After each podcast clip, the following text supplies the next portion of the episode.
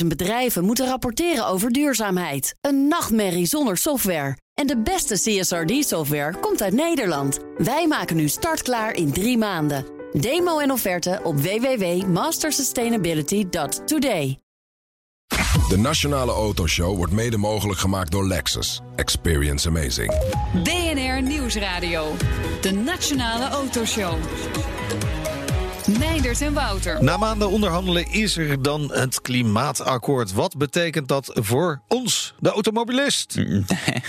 Ga maar vast huilen. Het wordt alleen maar duurder. Bijtelling omhoog, hoog, accijns omhoog, eh, MRB voor EV's omhoog, rekening rijden. Ik heb een heel positief verhaal gehoord. Ja, Van vier bewindslieden. kijk, Het wordt allemaal makkelijk gemaakt. Niet over de rug van de gewone Wiebes, burger. Wiebes ging over belastingen. En zeg maar, zijn in- input in dit geheel het gaat ook eigenlijk alleen maar voor belastingen. Als we, als we, nou ja, weet je, daar gaan we het allemaal We zo over hebben. We hebben ook een gast die daar ook vast een mening over Welkom, heeft. een uur lang alles over auto's en mobiliteit en belastingen hier op BNR. Straks Vooral in, over belastingen. Ja, Ja. straks in deel 2. Eh, de zonneauto, de Lightyear, zag het levenslicht bij zonsopgang ook. Ik was erbij in Ja. Katwijk. Ja, een mooie show. Eh, maar het is nog wel een prototype, dus daar moeten we wel even over hebben. Van hoe ver zijn ze nou Ja, echt? En, en wij moeten even het over het uiterlijk hebben van dat ding. Ik Ja. heb jou gehoord dat je zei dat je het mooi vond. Ja, en daarna zag ik pas de rijdende beelden. Ik, ik, nou, weet je, ik vind het mooi in, in, in functionaliteit. En toen zag ik rijdende beelden en dacht ik, nee, dit is een heel lullig ding. Hou het even vast. We beginnen met het klimaatakkoord. De gast is Steven van Eyck, voorzitter van de RAI-vereniging. Brancheorganisatie van autofabrikanten en auto-importeurs. Welkom. Ja, u nam deel aan de mobiliteitstafel. Dan is nu Guilty. het klimaatakkoord er. Hoe beoordeelt u het eindresultaat? Het eindresultaat eh, van het klimaatakkoord, als je even niet alleen kijkt naar datgene waar wij voor zaten, voor de mobiliteit, maar ook eh, voor industrie, energie, bebouwde omgeving, landbouw, Ja. ehm, dan is dat een wisselend beeld. Ik denk dat we voor industrie en voor de landbouw moeten constateren dat het eh, weer barstig wordt. We moeten goed opletten dat we niet met alle heffingen komen, waardoor investeerders ons vind het land nu verlaten. al een omtrekkende beweging. Ja, Ja, is het, maar we komen tot de Van kern. Wacht nou maar even even- af, want we zoomen straks in op die automobiliteit. Ja, want ja, als je daarnaar kijkt, dan eh, schets ik toch een beeld waarbij de automobilist eigenlijk opgelucht adem kan halen. We hebben in de afgelopen periode Oh. dingen zien langskomen Ja. waarvan we dachten, die kant moet het niet op. Ernstige verhoging van de aanschafbelasting van de BPM. Ja. MRB, eh, nou ja, de, de dieselaccijns gaat wel één cent omhoog, maar ook de benzineaccijns die stond daarbij, die zou ook Ja. omhoog gaan. Dus er gaat En die veel gaat niet, door. omhoog, inderdaad. Ja. Nee, die gaat niet omhoog. En wat natuurlijk eh, heel belangrijk is, en daar pleit ik al heel erg lang voor, is dat wij eindelijk een systeem van krijgen. Dat gaat niet meteen morgen gebeuren, maar het is een onomkeerbaar proces. Er is nu geen enkele coalitie meer te vormen binnen de Tweede Kamer die niet overwegend voor is om met kilometerbeprijzing aan de gang te gaan. Ja. Dus die komt er. Maar Ja. hoeveel Ja, ik had enig tromgeroffel verwacht. in ieder geval wat felicitaties. we nou, hebben daar. Jongens, we zijn al gedaan. zo ver met elkaar Goed- gekomen. goed. Ja, onomkeerbaar. Dus Ja. de, hoe, hoe, nou ja, hoe onomkeerbaar is dat? We roepen ja, we gaan er naar kijken. En we hebben nog Als een je paar het niet doet, dan heb je een megaprobleem. Omdat op dit moment de schatkist Ja. langzamerhand aan het leeglopen is. Want ja, elektrische Kijk, auto's die tanken niet. Die betalen geen btw, geen accijns. Dus het Maar, moet maar, het maar meneer Van Eyck, eh, kabinetten hebben in het verleden wel vaker wat beloofd. En zich ook niet altijd aan gehouden. hè. En ik denk nu Ja. alleen maar even aan de bijtelling op elektrische auto's. Die gaat volgend jaar al van 4 naar 8 procent. Nou, en dan heb je ook meteen die graad in de keel te pakken die er echt uit moet. Want dat is iets Ja. wat natuurlijk niet kan. Nee. Eh, ik zeg dat ook een beetje als oud-staatssecretaris van Financiën. Je moet een betrouwbare overheid zijn. En je kan niet zeggen lopende de rit. Want zo heet autobrief 2. Ja, die stopt pas in, op 1 januari 2021. Ja. Wij gaan in 2020 maar even de bijtelling voor elektrische auto's van 4 naar 8 procent verhogen. Mensen die hebben auto's gekocht, leasebedrijven, die zijn ermee bezig geweest. Ja. En die hebben dat gedaan op basis van een berekening. Op grond Ja, precies. waarvan zij Het gaat dachten dus dat ze met een betrouwbare overheid van Om doen hadden. Dus dat is iets dat moet inkoop van auto's waarvan eh, de, de handelaren bijvoorbeeld denken... nou, die kan ik nog aan het publiek verkopen de komende jaren... op basis van autobrief 2, waarin de belastingen op auto's worden geregeld in feite. Ja, en daar staat nu in de wet, en dat is gewoon ook echt kracht van wet, dat per volgend jaar de bijtelling van elektrische auto's 4% is. En dat dat geldt tot een bedrag van 50.000 euro. Er komen twee wijzigingen. De ene wijziging is dat die 50.000 die gaat naar 45.000. Ja. En de tweede wijziging is dat die 4% bijtelling die gaat naar 8%. Dus is een al die hè? mensen.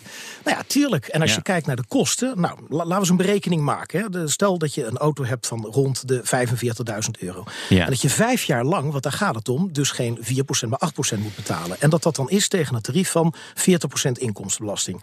Als je dat bij elkaar optelt, dan kost je dat dus gewoon 3600 euro. Dus stel dat dat gaat om, weet ik, 10.000 auto's, 15.000 auto's, afhankelijk daarvan. Je hebt het snel over een bedrag van 36 tot 54 miljoen. Maar daarvoor mag de overheid niet op zijn nek nemen Nee. dat ze als onbetrouwbare partner te boek Nee. staan. Dus Maar ik- die ik- regeling moet van tafel. Ja, zeker. Want ik heb ook even zitten rekenen. En als je dan bijvoorbeeld een Kona pakt, hè, elektrische Kona, is nu een hardloper, Hyundai. eh, maar daar heb je ook Een benzineversie van.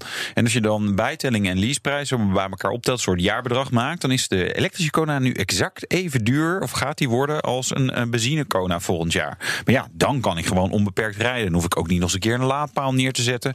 Elektrische golf en een normale golf, eigenlijk hetzelfde. Het, het is, het is, dat hebben ze wel knap gedaan. Het is, het is zeg maar echt precies even duur geworden om een, een benzinegolf en Nou een ja, elektrische golf te en rijden. Dat, dat is dan nog even de vraag. Hè? Want Bram Schot, de CEO van Audi, die heeft hier bij ons in de uitzending gezegd dat auto's 3 tot 5.000 euro duurder gaan worden vanwege de belangrijke ontwikkelingen, ook op elektrisch gebied. ja, maar ja, dat wij- heeft hij gezegd over twee dingen. Hè. Aan de ene kant zegt hij de techniek die nodig is om benzineauto's en dieselauto's nog schoner te maken. Ja. Want voor die eisen staan ze. Die is tomeloos duur. In feite is het zo dat die techniek, als je het in een auto optelt, duurder is dan de hele motor. Hè. Dus dat gaat de ene kant op. Benzine- en dieselauto's worden dus duurder, maar ook steeds schoner. En aan de andere kant zie je dat elektrische auto's wel in prijs gaan dalen. Omdat het aanbod en het aantal modellen natuurlijk steeds meer toeneemt. Wij denken ook, en dat hebben we ook in de tijd met het kabinet overlegd, dat rond zo nou, 2025, 2026 zit de omslag. Dan zal gewoon die elektrische auto goedkoper worden dan die benzineauto of die dieselauto. En dan kiest natuurlijk die calculerende Nederlander die kiest voor die auto. Maar tot die tijd moet je elektrisch blijven stimuleren. Nou, als je dan nu die bijtelling te snel omhoog gooit, hè, dat moet gewoon een jaar later, ja, dan krijg je precies het effect wat jullie uitrekenen. Namelijk dat je eigenlijk geen onderscheid ziet tussen het rijden van hetzelfde type auto, of elektrisch. En we willen mensen natuurlijk elektrisch laten Ja, rijden. en dan stimuleer je dus niet. U zegt dit plan moet van tafel. Wat gaat u doen? Alleen dit onderdeel. Ja, want dit voor de rest onderdeel, houden we ook ja, precies. Zijn we echt heel tevreden. Het, het idee om van 4 naar 8 procent bijtelling voor elektrische auto's te gaan, dat moet van tafel wat u betreft. Ja, wat gaat u klopt. doen om dat van tafel te krijgen? Paar dingen. Allereerst hebben we dat nu met het departement eh, ook eens even tegen de staatssecretaris aangehouden. Die, eh, die begrijpt dat. Eh, overigens beide, zowel Stientje van Veldhoven als Menno Snel van Financiën.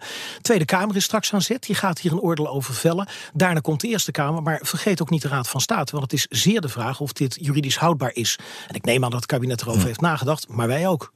Zei hij. Dus met andere woorden, er is nog een weg te gaan. Ja. En hier is het laatste niet over gezegd. Overigens, ik zeg dat niet alleen als rijvereniging hoor, maar ook bijvoorbeeld de ANWB en de BOVAG en de VNA. Er zijn allerlei partijen die hiervan zeggen: dit kan niet. Nee. En in die zin vormen wij, zoals we dat noemen, het motorblok. Ja. En dat staat eensluidend achter dit standpunt. Ja, maar ehm, kijk, daar heb ik dat klimaatakkoord. Ik ben er eens even doorheen eh, gefietst eh, rondom mobiliteit. En dan, en ik, ja, ik, ik, ga, ik neem het gewoon niet meer serieus als het klimaatakkoord. Ik vind het belastingakkoord. Want eigenlijk het enige wat er echt concreet in staat, wat gewoon al dan volgend jaar ingaat, is hogere belastingen. En ster- sterker nog, tot 2030 hebben ze zeg maar, alle, alle belastingen eens even uitgeakkerd. En de rest is het, ja, we gaan onderzoeken hoe we tweedehands eh, kunnen stimuleren. We gaan eens even nadenken over een subsidie voor particuliere auto's. Maar dat, eh, de EV's, en dat staat er allemaal gewoon nog niet in. Dus, dus Jawel, nee, maar het, het is een stuk concreter dan dat. De, de, eerlijk gezegd doe je een beetje onrecht aan datgene wat er eh, al wat staat, in er, staat. wat staat er Nou, concreet concreet in? staat er dat er een eh subsidie komt voor elektrische auto's Ja. van particulieren. Dat bedrag is niet ingevuld, maar nee, ik kan je vertellen. PM. Ja, staat maar daar letterlijk. ga er maar vanuit dat het gaat rond de 3400 euro. Rond Dus de we hebben iets 3400, meer. ja. Ja. dus dat is wel iets waar je. Is- is- dat genoeg? houden. Nee, en, eh, nou laten Soms we wel. E- E-golf en een golf, 18.000 euro verschil, eh, zeg maar ongeveer. Ja, E- ja, je krijgt het ook niet E- ingelopen. Nee. Maar hou er rekening mee, de eh, tweedehandsprijs voor die auto's is natuurlijk een andere. Je ziet nu al, dat hebben jullie zelf Ja. ook geconstateerd, dat de tweedehandswaarde van elektrische auto's die blijft relatief hoog. Ja. Ehm, maar er zitten ook allerlei andere dingen. in. We Ja. weten wat de Dus, BPM maar wat, vrijstelling wordt hoe, voor helpt, elektrische auto's. hoe, hoe helpt 3400 euro subsidie dan op een... Als ik een hele dure tweedehands elektrische auto eh, eh, moet kopen... dan kan ik beter een hele goedkope diesel kopen. Want ja, die zijn heel goedkoop. Ja, maar De- iedereen eh, denkt op dit moment wel dat de waardeontwikkeling van die tweedehands auto's bij elektrische auto's zich echt anders gaat verhouden dan bij diesel- en benzineauto's. En Ja. vergeet niet, uiteindelijk gaan we allemaal elektrisch rijden. Dat zal niet meteen in 2030 zijn, maar wel denken wij nu in 2050. Ja. Dus ja, je moet ook wel mee met die beweging. Hè. Ook Ja. die tweedehandsmarkt, wees daar toch niet te pessimistisch over. Kijk, we gaan inderdaad met de staatssecretaris overleggen hoe gaan we dat stimuleren. Maar een bedrag van 100 miljoen, dat wordt vrijgemaakt om te zorgen dat wij niet het buitenland gaan stimuleren met subsidies die uiteindelijk de grens overgaan. Dat is, dat is een steuntje in de rug. Maar er staat overigens naast die automobiliteit, daar hebben we het natuurlijk over, want het is de autoshow. Maar ook op het gebied van Ja. scooters en andere terreinen eh, Ja. staan er toch wel aardig wat ontwikkelingen waar we heel positief over kunnen zijn. Ja, elektrische scooters 2025 zag ik. Dat, komt eh, overigens uit de branche zelf. Hè. Dat hebben wij zelf aangedragen, want we vinden dat dat moet. En dat gaat ook lukken. Ja, maar dat, is, die, dat is wel, die zijn wel wat stoerder, de, de scootermensen. Zeg Ja, maar. wij zijn zo stoer. Ja, Het is nou echt, ja, eh, nee, maar, dat gaat. dit- dit- nou, maar dit- dit- met auto's schiet- leuk. Met auto's schieten dus eigenlijk niet op. Maar scooters is gewoon 2025 is het klaar met eh, al die uh, benzine dingen dus. Ja, nou ja, transport en logistiek, hè, daar zijn we natuurlijk ook naar aan het kijken. Hoe kunnen we zorgen dat rond 2025 toch al die pakjes die in die steden moeten worden Ja. bezorgd, dat dat op een emissieloze manier plaatsvindt. Ja. Daar hebben we tal van technieken voor. En we hebben met het kabinet gewoon afgesproken, in 2025 zorgen wij dat dat emissieloos die eh, randstedelijke gebieden inkomt. En zeker in het stadscentrum. Toch nog even over die kosten. Hè? Want eh, we hebben het over de accijns op diesel. Gaat 1 cent omhoog in 2021. eh, nog Ja. eens een keer een cent in 2023. Ehm, de BPM, daar horen we vaak over. Hè? Die moet dan omlaag als we, als we andere dingen gaan verhogen. Bijvoorbeeld rekeningrijden.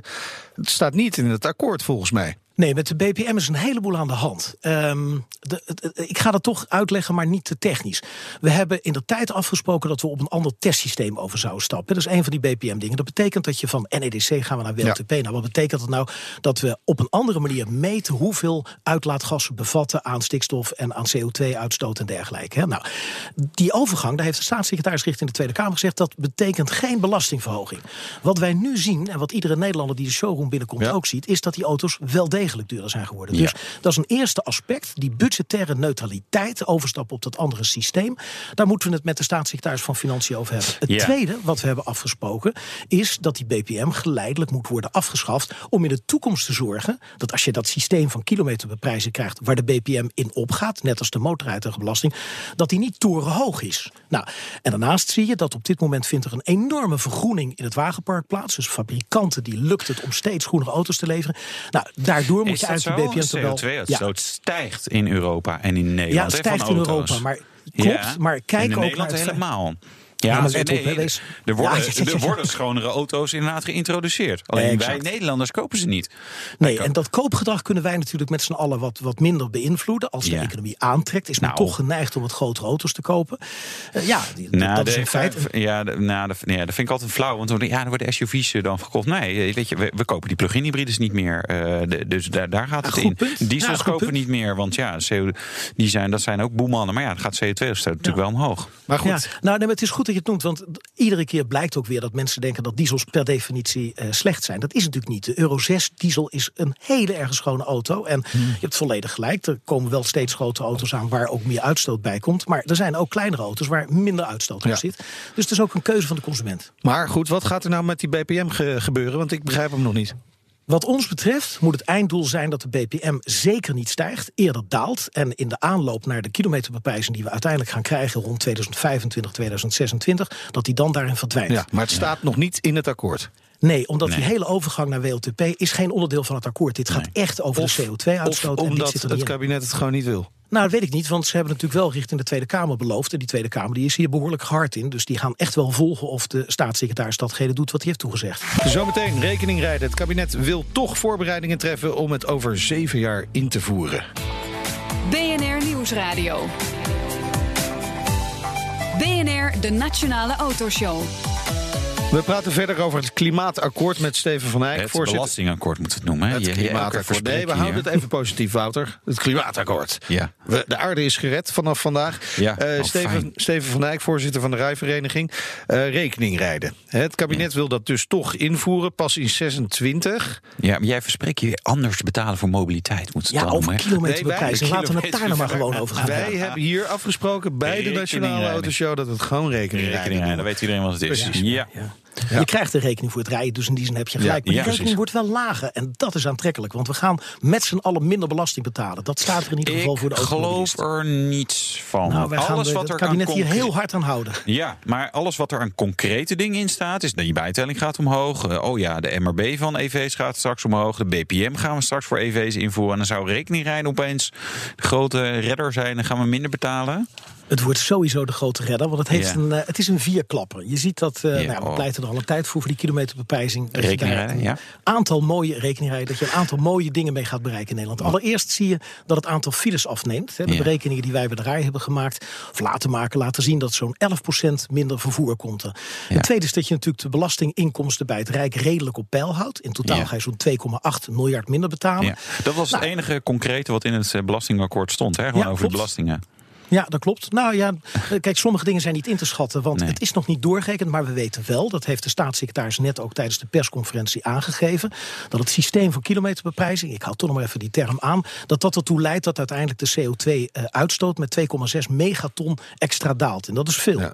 Ja. Overigens heeft de SWOF ook nog eens, dat is het vierde argument, aangegeven dat het goed is voor de verkeersveiligheid. Dus het is gewoon Ja. een no-brainer. Het, ligt, dit het doen. ligt misschien nog wel een beetje aan de variant. Hè? Want Ja. eh, we moeten natuurlijk Ja. gaan rekenen rijden. Anders betalen elektrische auto's geen, eh, eh, ja, geen belasting hè, terwijl ze rijden. Dat, dat is eigenlijk een no-brainer. Maar de drie varianten hebben. Beprijzing per kilometer van elektrische auto's alleen. Dus niet van Ja. de auto's met een eh, eh, fossiele brandstof. Eh, dan... eh, tijd- en plaatsgebonden heffing met uitzondering van een spitsheffing voor het Ja, hele zeg maar gewoon een wagenpark. vlakke heffing. Een vlakke ja, echt heffing. Een kilometerprijs voor Ja. iedereen. En een soort spitsheffing. Ja, Ja. dat is de derde variant. Eh, ook hier hoor, ik denk dat we het allemaal lekker moeten gaan zitten uitzoeken. Maar dat de enige oplossing is variant 2. Het zou raar zijn als je Want? kilometerbeprijzing alleen vastzet op elektrische auto's. Dat lijkt Ja. me niet de bedoeling. Nou, dan heb je wel het Ehm, belastingprobleem van Wiebes opgelost. Hè? Ja. Hij, daar komt hij vandaan. En dat vindt hij eigenlijk het leukste. Gewoon geld binnenharken. Het gaat hem niet Ja, zozeer om het klimaat. Dat is wel zo, Dat is maar je houdt twee systemen naast elkaar. En Ja. ik denk dat de Belastingdienst nu al af en toe in zijn voegen kruipt... als je ziet wat er op het gebied van automobiliteit speelt. Dus volgens ja. mij moesten we dat nou maar eens even niet gaan Nee, doen. ja. maar ze, Eh, nee, je moet het die- omzetten. Daarom, doen ze, daarom hebben ze zeven jaar ervoor uitgetrokken. Om dus eigenlijk alleen systemen te bouwen. Ja. Ja. Nou, ik Maar, denk dat zij het En, ook eh, tegelijkertijd met het toestand van de vrachtvervoer willen doen. Hè? hebben ze Ja. misschien nog wel zeven jaar maar extra nodig. op het moment dat je geen... Je eh, variant 2, dus dat is per Ja. kilometer gewoon be- betalen. Zeg een dubbeltje of zo, eh, doe maar een bedrag. Eh, Maar in de spits is het niet duurder. Dus dat Nee, heeft exact. geen enkel effect op de files.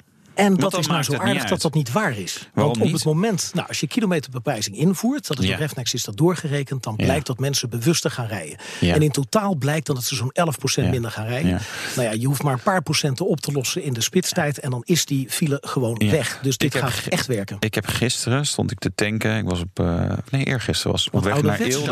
Ouderwets. reed, Ja, eh, maar ik moest een keer tanken. Ja, laden doe ik ook wel eens. Eh, maar ehm, deze keer tanken, een vrij grote tank, bijna 90 liter ging erin. 150 Goedemorgen, euro rekende ik af.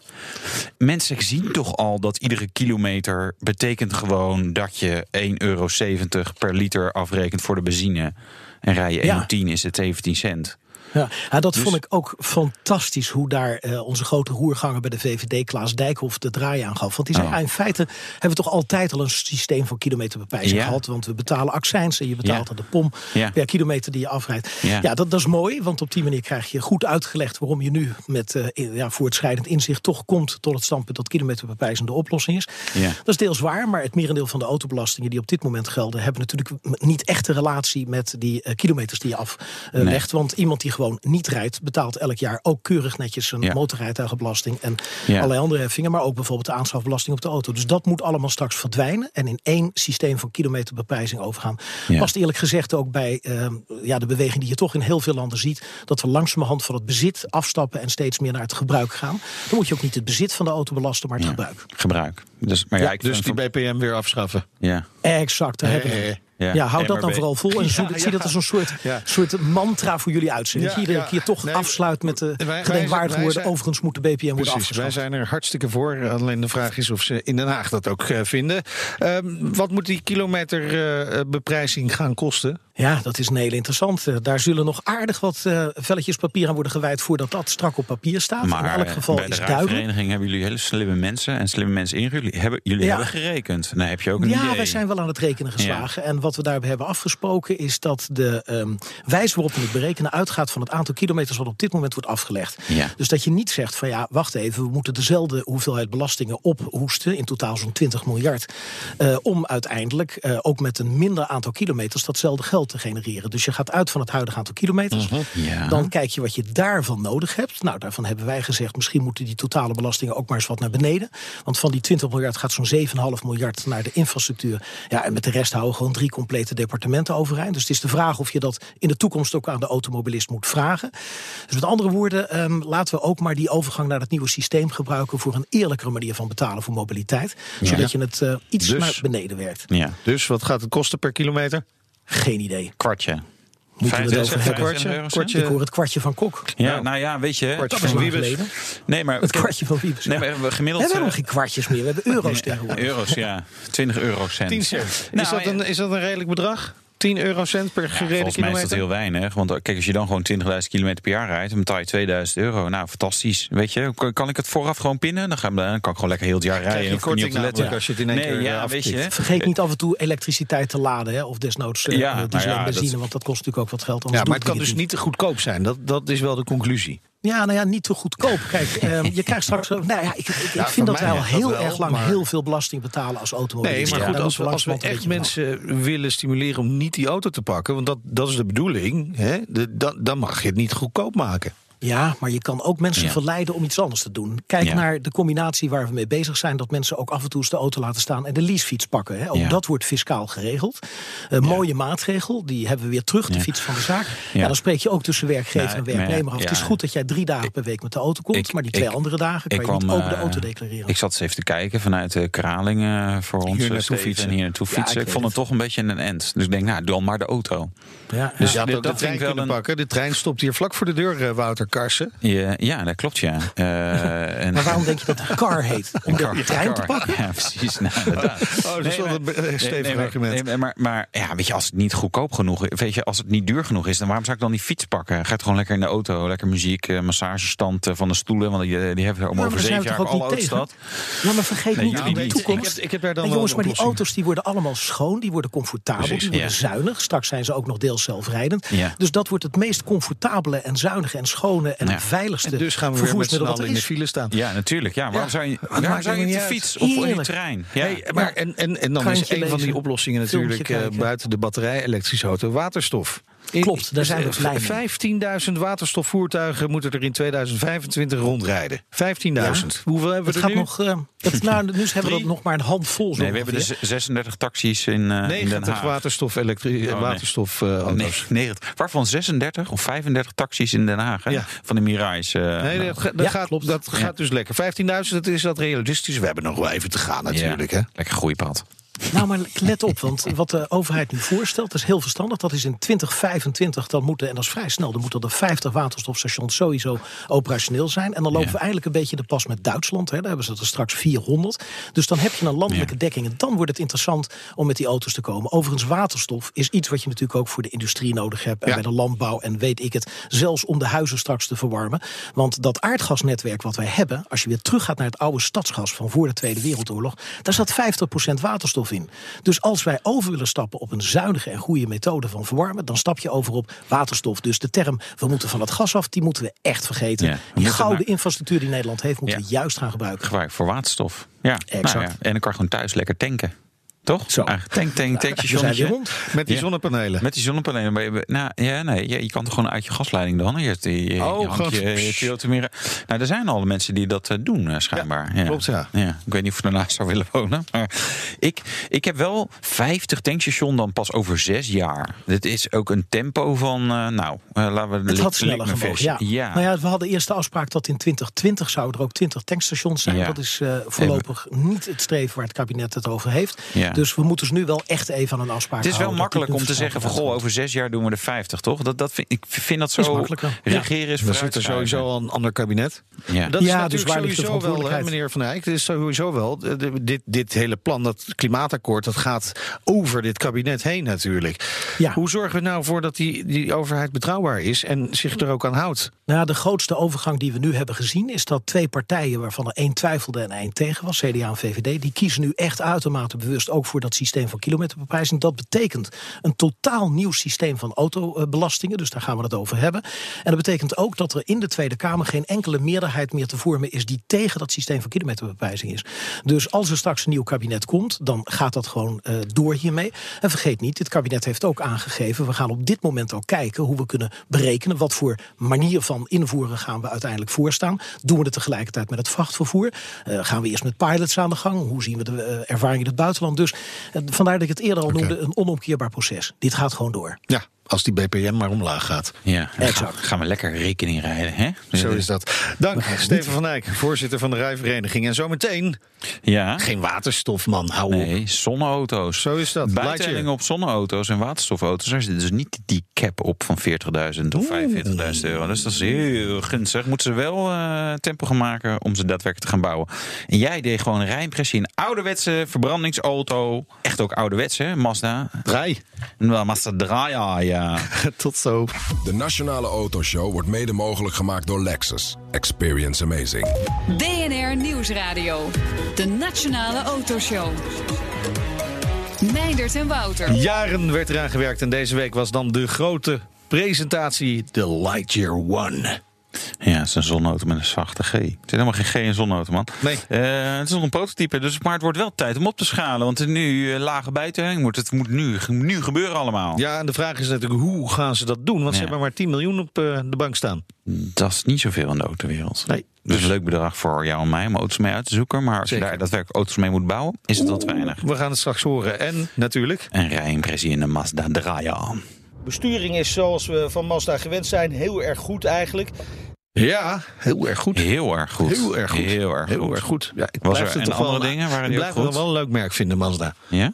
Ja, ik vind beetje het mooi. eigenzinnig. Mooi Ja. design. Design zit goed in elkaar. Altijd extra oog voor de rijeigenschappen. Of lijkt dat zo omdat die motoren eigenlijk niet echt heel krachtig zijn? Dat kan. dat sluit ik niet helemaal uit. Dat sluit ik niet helemaal uit. Wouter, ik neem je even mee naar de theaterhangar in Katwijk.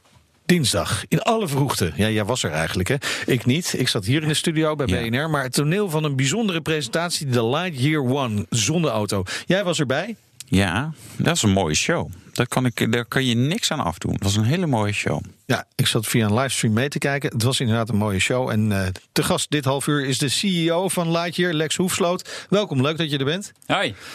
Ja, het was wel een, eh, wel een dagje dinsdag. Ja, het was, dat begon om drie uur s'nachts, ja.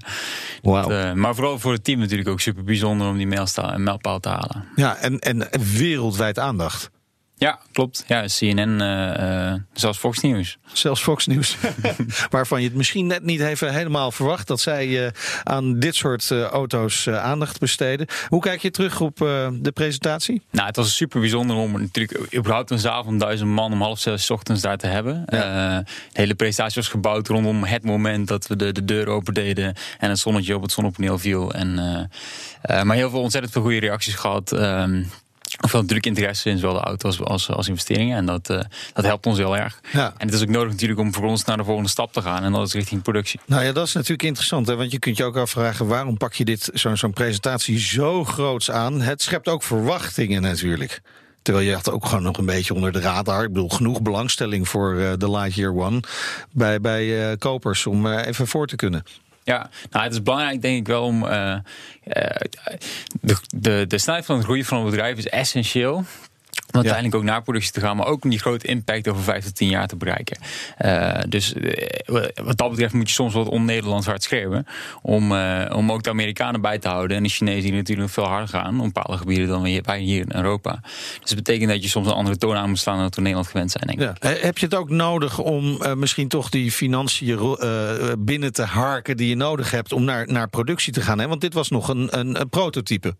Ja, nou, eh, het is uiteindelijk de, de onthulling van een prototype. Dus er is één moment dat je een model goed in de markt kunt zetten. En dat is eigenlijk de onthulling van het ontwerp. Ja. Ehm, zou zonde zijn geweest dat we dat nu klein neer zouden zetten. Dus dat hebben we groot gedaan. Aan de investeringskant uh, hebben, we, hebben we veel interesse. Uh, voornamelijk ook vanuit het buitenland. Uh, investeringsklimaat in Nederland is natuurlijk wel wat minder sterk ontwikkeld dan in het buitenland. Ja, is dat en zo? Er wordt toch volop geïnvesteerd in van alles en nog wat? Er is hartstikke veel geld in Nederland. Pensioenfondsen met, met potten die overlopen. Ja, nou, je ziet dat er een groot gat is tussen enerzijds het kapitaal wat, wat voor de, voor de start-ups is. Dat, om, om de eerste stappen te kunnen zetten richting En dan het kapitaal voor de echte scale-up. Uh, dat is ook wel. Maar dan moet er natuurlijk best wel wat. Uh, maar welke, welke fase zit je nu dan? Zit je, zit je nog in die start-up fase? Of ben je al. Uh, ik, als je zo'n ja. show neerzet, dan denk je, nou, die zijn al behoorlijk aan het upscalen. Ja, het ligt heel erg aan de definitie. Dus de, ene, de definitie van de een is, uh, is dat je uh, al daadwerkelijk product uitlevert. En dan ben je geen start-up meer. Maar goed, in Amerika is Uber volgens mij ook nog steeds een start-up. Ja. Um, dus wat dat betreft. Wel eentje die op de beurs uh, al uh, genoteerd is. ja, dat is nog wel een verschil in. Wat moeten jullie nog gaan doen? Zijn er plannen voor eigenlijk? Beursnoteringen? Nou, op dit moment is het niet nodig. Dus is het niet nodig. als nodig is, okay. is het nodig. Oké, okay, maar er moet dus geld uit het buitenland gaan komen. Uh, tenminste, daar, daar, lijkt het wel op om echt uh, flink te kunnen gaan opschalen. dat, dat productiemodel, hè, want we hadden het erover, dit was nog een prototype. Productiemodel moet er nu gaan aankomen. Hoe gaat die nog van het prototype verschillen? Ja, wat we nu heel veel aan het doen zijn, is uh, ja, basically testen. Dus uh, wintertesten doen, zomertesten doen, straks crashtesten doen. Um, daar ga je allerlei dingen bij uitvinden. Okay. En dat gaat de auto ja. betrouwbaarder maken, et cetera. En uh, dat brengt je uiteindelijk naar productie toe. Hoeveel auto's hebben jullie nu dan? Uh, we zijn, uh, hebben één prototype wat nu rijdt. En er zijn er twee nog een opbouw. Ja, want uh, deze, bedoel, de, de, de, fotograaf ging bijna erin zitten. En toen de, de, beveiliging die brak bijna zijn nek, zeg maar. Dus dit, denk ik, hier wordt nog niet mee getest. In de winter en in de kou en in de hitte. Dus, dus, dus vandaar mijn vraag. Dat ik denk, hé, hey, wacht eens even. Dit was duidelijk een showmodel. Welke heb je dan nog meer? Nee, dus dit zijn de, maar deze wordt ook daadwerkelijk ook gebruikt voor de eerste testen.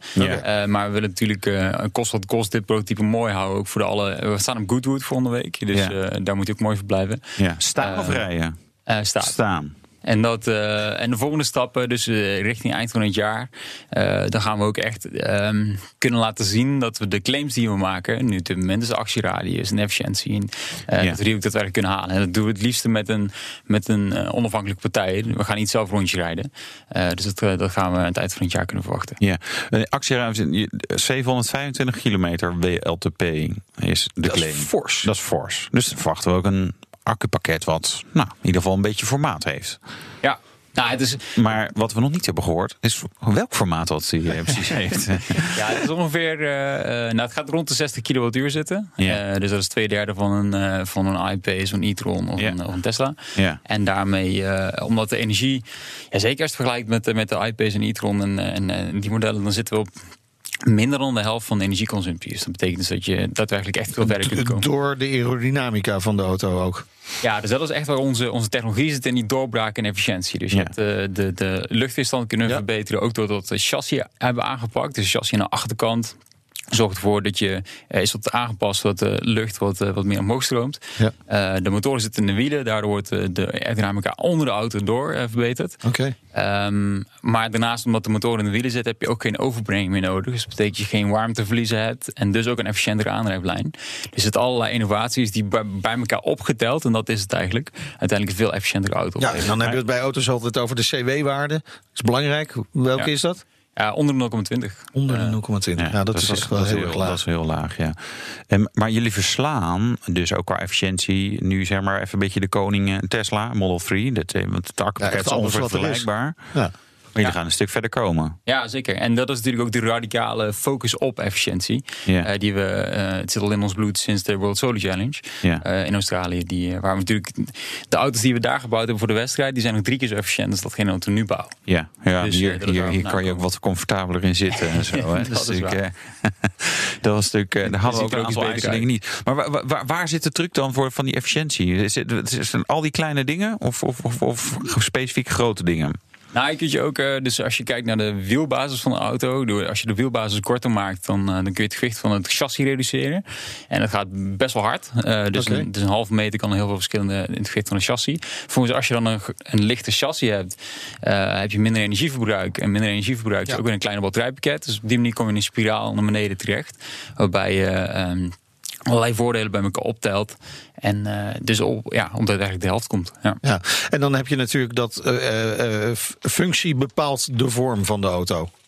Ja. Eigenlijk. Ja. ja, het is echt de shape by nature, zoals we Ja, we zeggen. hebben wat we men noemt het druppelmodel. Hè? Het, druppelidee, dat, dat heeft hij echt heel erg. Hij loopt, de daklijn loopt heel scherp naar beneden, naar achter. Of nou ja, scherp, maar loopt naar beneden tot, ja, tot een punt bijna. Ja, nou, dat is super bijzonder wat je erin kunt doen. En je hebt natuurlijk meerdere auto's gezien ook in het verleden die, eh, die diezelfde vorm aanhielden. Ja. En voor ons was het heel erg zoeken naar hoe, hoe zet je enerzijds een, een super gaaf, goed uitziend model op de markt, wat ook nog super efficiënt is. Ja, daar gaan we het straks nog wel even over hebben. Over dat, dat super gaaf, super mooi. Daar verschillen toch de meningen nog wel hier en daar op hoor.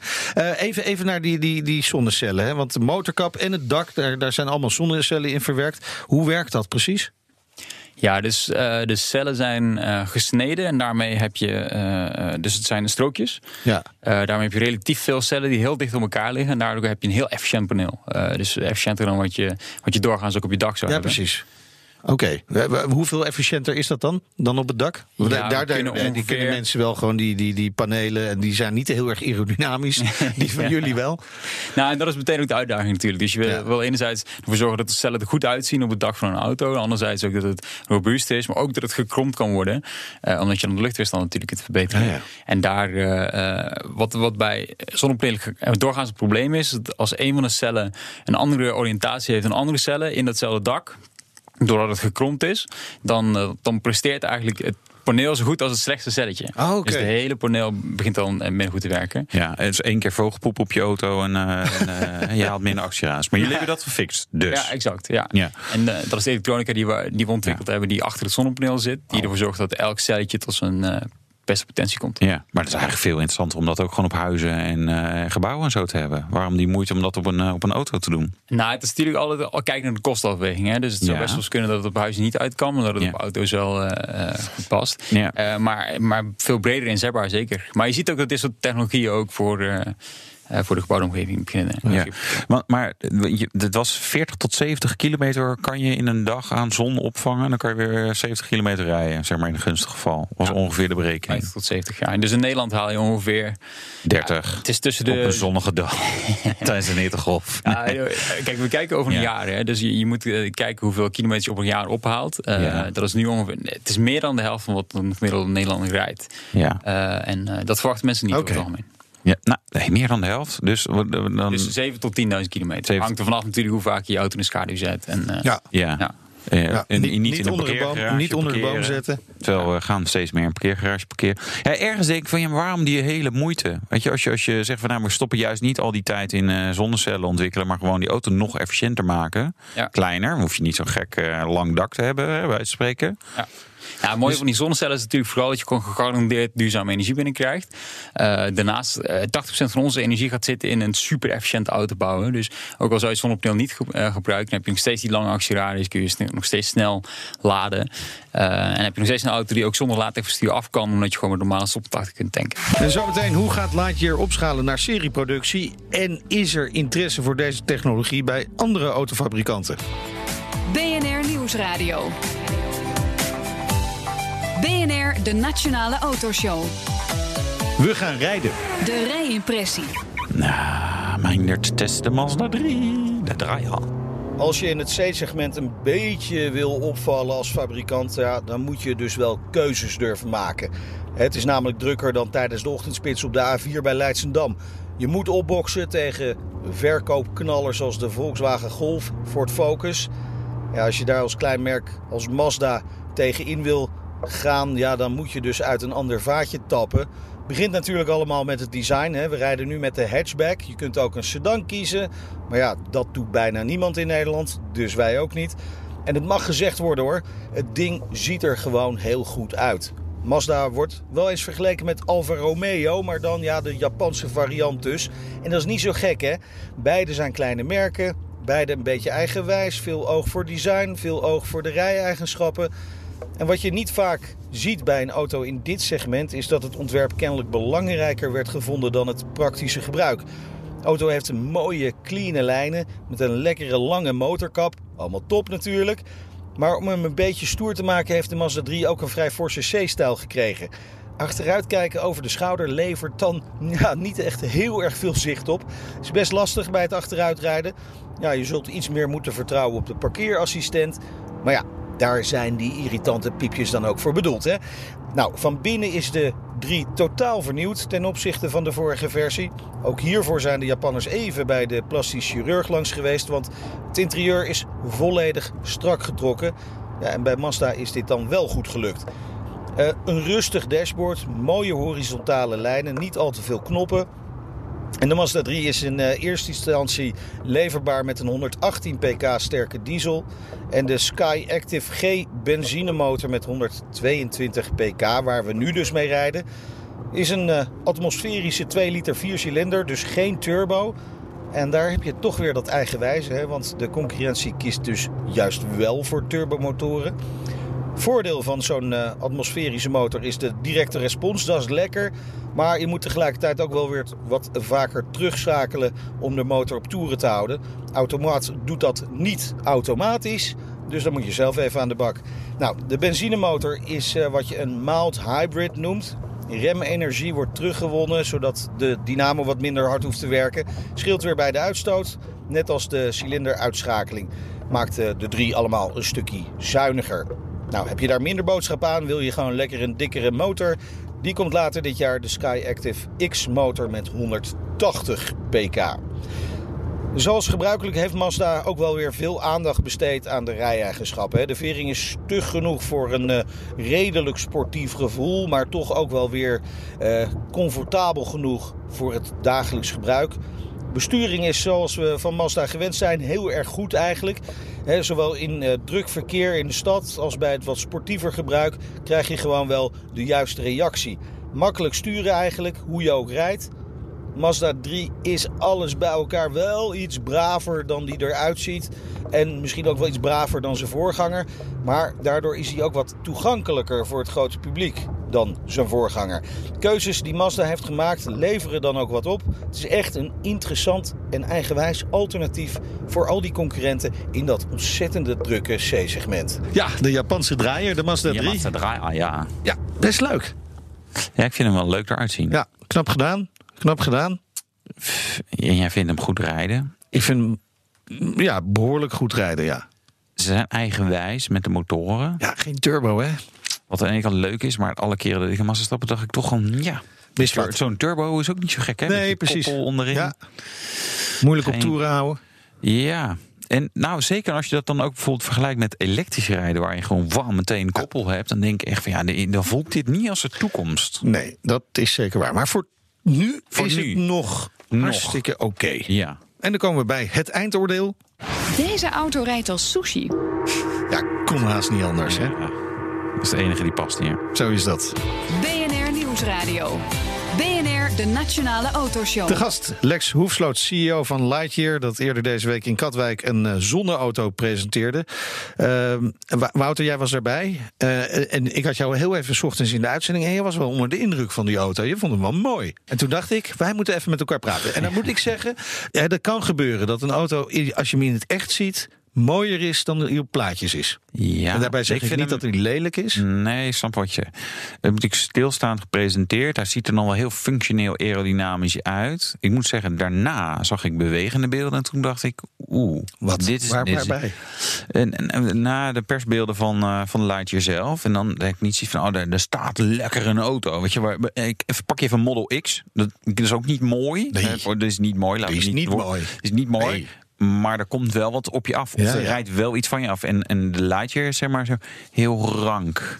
Ja. Een beetje Frans, misschien. Ja, hij heeft ook een eh, smallere spoorbreedte achter dan voor. Oh, oké. Ja, Dus net zoals de- de- voor de druppel. Ja, voor de dropper. Ja, Net de ja. Citroëns hadden.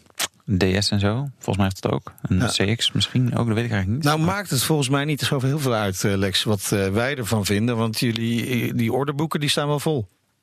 Ja, nou, tot nu toe meer dan 100 eh, auto's verkocht. Dus gaat hard, ja. Uiteindelijk is het, eh, eh, het, is een, het is een ontwerp wat echt... we zijn terug naar de natuurwetten gegaan. Eigenlijk Ja. soort van... ja. de natuur heeft ons een handje, handje geholpen met het ontwerpen van de auto. En dat zie je natuurlijk ook af aan, aan de staart en de achterkant. En aan de, ehm, eh, maar het is een. Wat denk ik bijzonder is dat we, we hebben gezocht naar het most advanced yet accepted. Dus uh, hoe ver kun je gaan Ja, ja. en wordt het nog steeds gewaardeerd. Oké. En ehm, Maar i- daardoor prikkelt het wel. Ja, precies. Maar is het denk, ik, denk je ook dat, dat het een ontwerp is waar nou ja, Wouter en ik misschien een beetje aan moeten wennen, maar dat het op termijn eh, dat, dat ook wij het heel erg mooi gaan vinden? Nou, ik denk dat je, als je nu ziet wat, eh, de, wat de efficiënties die gehaald worden door elektrische auto's, die nu door de Duitse auto-industrie gebouwd worden, eh, daar kan natuurlijk wel nood, nodig aan verbeterd worden. En je Zeker. zult waarschijnlijk ook zien dat in de komende jaren dat het steeds meer gaat gebeuren. Ehm, dus ik verwacht eigenlijk dat we wel steeds meer die kant op gaan. En het is eigenlijk bijvoorbeeld een wielkap zoals wij hier achter hebben. Dat scheelt bijna 5% in je, in je luchtweerstand. Ja, precies. is, eh, ja, dat is natuurlijk ook iets wat, wat, wat veel mensen, autoliefhebbers, niet echt per se heel mooi vinden. Die wielkappen die erop zitten. Er zijn in het verleden ook wel eens auto's geweest die dat hadden. Ja, maar dan zie je toch ook dat het ja, blijkbaar bij andere auto's weer niet nodig is. Dan wordt het niet gedaan. Want er zijn natuurlijk wel auto's waar je hè, 5% aerodynamica winst. Nou ja, dat kan. En de- Ja, de- dat de- kan de- voor schelen natuurlijk, Ja. Dat, dat willen ze ook wel. Dus nou ja, goed. Hè, maar dat zijn allemaal, allemaal keuzes. Ehm, misschien moeten we het ook hebben over... Oké, er zijn 100 eh, eh, orders. Hebben die ook allemaal al betaald? Want dat is verkocht. Ja, zeker, Ja, ja, gewoon, eh, die moeten gewoon meteen. Het, het volle Ja. bedrag. Ja, je hebt drie opties. Hè. Dus je kunt, als je een van de eerste wil zijn, een van de eerste 100, dan betaal je het- bijna het volledige bedrag aan. Dat zijn Ja. eh, eh, meer dan een derde van die mensen die hebben dat. En dat, dat is, wat is het, het volledige bedrag? Eh, 119.000 euro eh, pre-order. Pre-order. En Dan moet- je bij het leveren nog een klein beetje bijleggen. Ja, dat is de BTW. Ja, Ja. Ja, het moet gewoon betaald worden hoor. De BTW. Ja. De, drie opties. Dat heb je. En, en, Ja, en, en eh, voor 19.000 euro kun je een van de, eh, even kijken, de auto's vanaf 500 tot 1000. En boven de 1000 betaal je 4000 euro voor een pre-order. En Ja. eh, dus die, de meeste auto's worden geleverd in, de eerste auto's, de, de grootste batch wordt geleverd in 2021. Oké. Dat is best wel snel. Ja. want jullie hebben er nu één. En dus ik ben bezig met twee andere. Denk je, ja, nou, je moet ze nog even testen. Je moet nog, ja, je, bent- Ja, en, en nu gaat het natuurlijk ook heel rap. Hè. Dus, je gaat, dus het ontwerp duurt lang eh, voordat je dat uitgekristalliseerd hebt. Dat hebben we nu voor een groot deel gedaan. We hebben de eerste gebouwd. Het komende jaar komen er nog ongeveer 15 prototypes bij. Ja. En, Ja. eh, en vervolgens ga je dan natuurlijk naar Maar productie. je, je praat alsof je er heel veel ervaring mee hebt. Maar het is ook jouw eerste keer, toch? Ja, nou gelukkig zijn er ook mensen in het bedrijf die het vaker gedaan hebben. Nee, precies. Want hoeveel, hoeveel mensen hebben jullie nu in dienst? Eh, we zijn nu met 130. En, eh, en het is gewoon heel gaaf om te zien dat je mensen van over de hele wereld hebt die, die, die bij ons aankloppen en eh, met hun talent bij ons aan de slag gaan. En, en dat zijn dus mensen ook bij- mensen ja, met, met een verleden in de auto-industrie. Ja, zeker. Maar van twee kanten dus. Enerzijds, de, eh, wij spreken de Duitse auto-industrie, maar ook eh, mensen die bij Tesla hebben gezeten en daar een groot deel van de, van de aandrijving van de Tesla's hebben gedaan. Eh, Ben, ik ben wel benieuwd, zie je een verschil in die mensen? Ja, waar zit het verschil in? Zijn die mensen van de auto, Duitse auto-industrie toch wat behoudender misschien? Nou, wat je natuurlijk ziet is dat de, auto-industrie eh, gedijt heel erg bij de processen die ze, die ze neer hebben gezet de afgelopen Ja. tientallen jaren. En daardoor hebben ze het kwaliteitsniveau ontzettend hoog kunnen krijgen. Maar waar Tesla heel erg op, op bouwt, is, is, eh, is, is dat ze gewoon ontzettend goede mensen aan boord hebben. Ja. eh, die ontzettend slim zijn. En dan heb je iets minder processen nodig om af te vangen dat er dingen misgaan. Ja, en dat, dat moet je dus in balans brengen, Ja, die twee. precies. Nou, is het, een, eh, het is een kostbaar spelletje, auto's Nou. ontwikkelen. En jullie moeten nog even testen even doen. Nou, zeg eh, een paar honderdduizend testkilometers maken in principe. Fabrikage inrichten. Daar hebben we wel wat geld voor nodig. En nou, ik heb geen inzicht in, jou, eh, in jullie bankrekening, maar er moet volgens mij nog wel een heleboel geld bij gaan komen. Dus waar, waar, waar komt dat vandaan? En hoe reëel is het dat jullie dat echt halen? Nou, wat je ziet is dat we bijna eh, 80% van ons geld gaat richting R&D. Dus dat is ontwikkeling van technologie. En ehm, technologie die natuurlijk veel meer potentie heeft dan alleen eh, eh, volgend jaar en het jaar daarna. Dus uiteindelijk ziet wij voor het grote doel impact in 10, 15 jaar. Eh, dus er zijn heel veel investeerders bereid om mee te investeren in die technologie. Ja, Ehm, en daarnaast, het grote voordeel dat we nu hebben, is dat we in laag volume beginnen. ja. Dus we kunnen relatief behapbaar eh, in Helmond eh, ongeveer 7, 8 auto's per dag gaan Ja, produceren. je hoeft niet een enorme fabriek neer te zetten gelijk. Ja, precies. Dus er is heel weinig automatisering. En daarmee wordt, eh, wordt de investering die we moeten doen in het, in het bouwen en, en dat eigenlijk produceren van die auto's relatief laag. ja. En hoeveel geld is er nodig? Grosso modo? Nou, hangt natuurlijk heel erg af van waar je het over hebt. Heb je het over tot de eerste in ja, tot productie de, ja, of eerste auto's in productie. Dat, dat, dat moet je uiteindelijk halen. Want dan gaat er, nu komt er, ja, je doet dat pre-orders, maar die auto, als je nooit gaat leveren, dan moet je de potentiële geld ook weer terug gaan geven. Ja, zeker. Dus, Nou, uiteindelijk heb je het over, ehm, eh, als, je, als je kijkt naar echt volumeproductie in 2025, Ja. eh, dan heb je het over ongeveer dezelfde bedragen als waar de auto's die niet zelf ook over heeft. Dus het ontwikkelen van een model kost Ja. gewoon ontzettend veel geld. 500 miljoen tot een miljard model, ongeveer. En dan is het wel, bestaande ja. autofabrikanten. Jullie moeten nog even een paar. Je moet ook en een interessante kopen en is zo. natuurlijk om dan terug te kijken naar, eh, naar een tijdlijn als dat Tesla gedaan heeft. In 2004, nee, 2004 zijn ze begonnen. Ja. In 2006 hebben ze een heel klein beetje geld opgehaald van de man eh, die Elon Musk heette. Eh, in die jaren, de, de jaar, vier jaar daarna, om de Roadster naar productie te krijgen, ehm, hebben ze echt niet veel geld gehad. En uiteindelijk hebben ze natuurlijk echt geld hebben ze nodig gehad voor de Model S. Ja. Eh, Ja. Dus het is gewoon. eh, je- Ja, maar jullie beginnen feitelijk met een Model S. Want je, bedoel, je begint met een, met een familieauto. Ja, het is eh, omdat we een laag volume beginnen, beter te vergelijken met de Roadster Oké. dan met de Model S. Ja, Het is echt ons eerste model. ja true. True. Maar, maar goed, je zit ook in een, in een concurrentieveld waar al, al partijen zijn. En ook niet de minste. Er zijn natuurlijk ook grote autofabrikanten en Ja, Tesla ja. zelf. Nou, zeker. Maar daarom, daarom focussen we ons dus ook echt op die. eh, die het unieke van de Lightyear One is natuurlijk zijn efficiëntie. En niet per Ja. se dat we, dat we alle functionaliteiten die je ook in een BMW of een, of een Tesla ziet, dat we die ook hebben. Nou ja, dat betekent en- dat we ons best wel ver van de rest van de markt Ja, positioneren. En, en wat uniek is natuurlijk aan de Lightyear One zijn juist die zonnecellen. Dat is technologie waar jullie eh, eh, enorme ontwikkeling mee doormaken. Zou natuurlijk best interessant kunnen zijn voor andere partijen. Nou heb ik BMW gehoord erover, die noemen het een gimmick. Dus daar, daar hoef je niet aan te kloppen, geloof ik. Maar, maar zijn er andere autofabrikanten die al wel zo nieuwsgierig zijn geweest? Laat ik die Lexus even bellen en informeren wat eh, hij voor ons kan doen. Ja, nou zeker. We zijn in contact met eh, zowel toeleveranciers als, eh, als de OEM's van deze wereld. Dus, en, en we zijn ook heel erg bereid om die technologie samen met hen te gaan Oké, ontwikkelen. maar dat kan dus ook een manier zijn om die financiering binnen te halen. Ja, voor zeker. De, Maar in die zin het opschalen ook- van de productie van de auto zelf. Ja, exact. En je moet ons ook, ook echt zien als een technologiebedrijf en minder als een autobedrijf. En wij, eh, zeker omdat de productie termijn niet in huis gaan hebben. Dankjewel en heel veel succes. We gaan het eh, volgen. We zijn heel benieuwd eh, naar hoe het verder gaat met de Lightyear One. Lex Hoefsloot, CEO van Lightyear. Volgende keer Ja, gaan we gaan we even, lekker terugduwen. Even iets heel anders doen. Ja. Een hele uitzending over Diesel. diesel. Is doodverklaard, maar dat is misschien nog niet terecht. We zullen zien. Dit was de Nationale Autoshow. Terugluisteren kan via de site, de app, iTunes of Spotify. Tips of vragen? Je kunt dus twitteren, at BNR Autoshow. En mailen naar autoshow.bnr.nl. En eh, jij bent? Meijnerd Schut. En ik ben Wouter Karsen. Tot volgende week. De Nationale Autoshow wordt mede mogelijk gemaakt door Lexus. Experience amazing.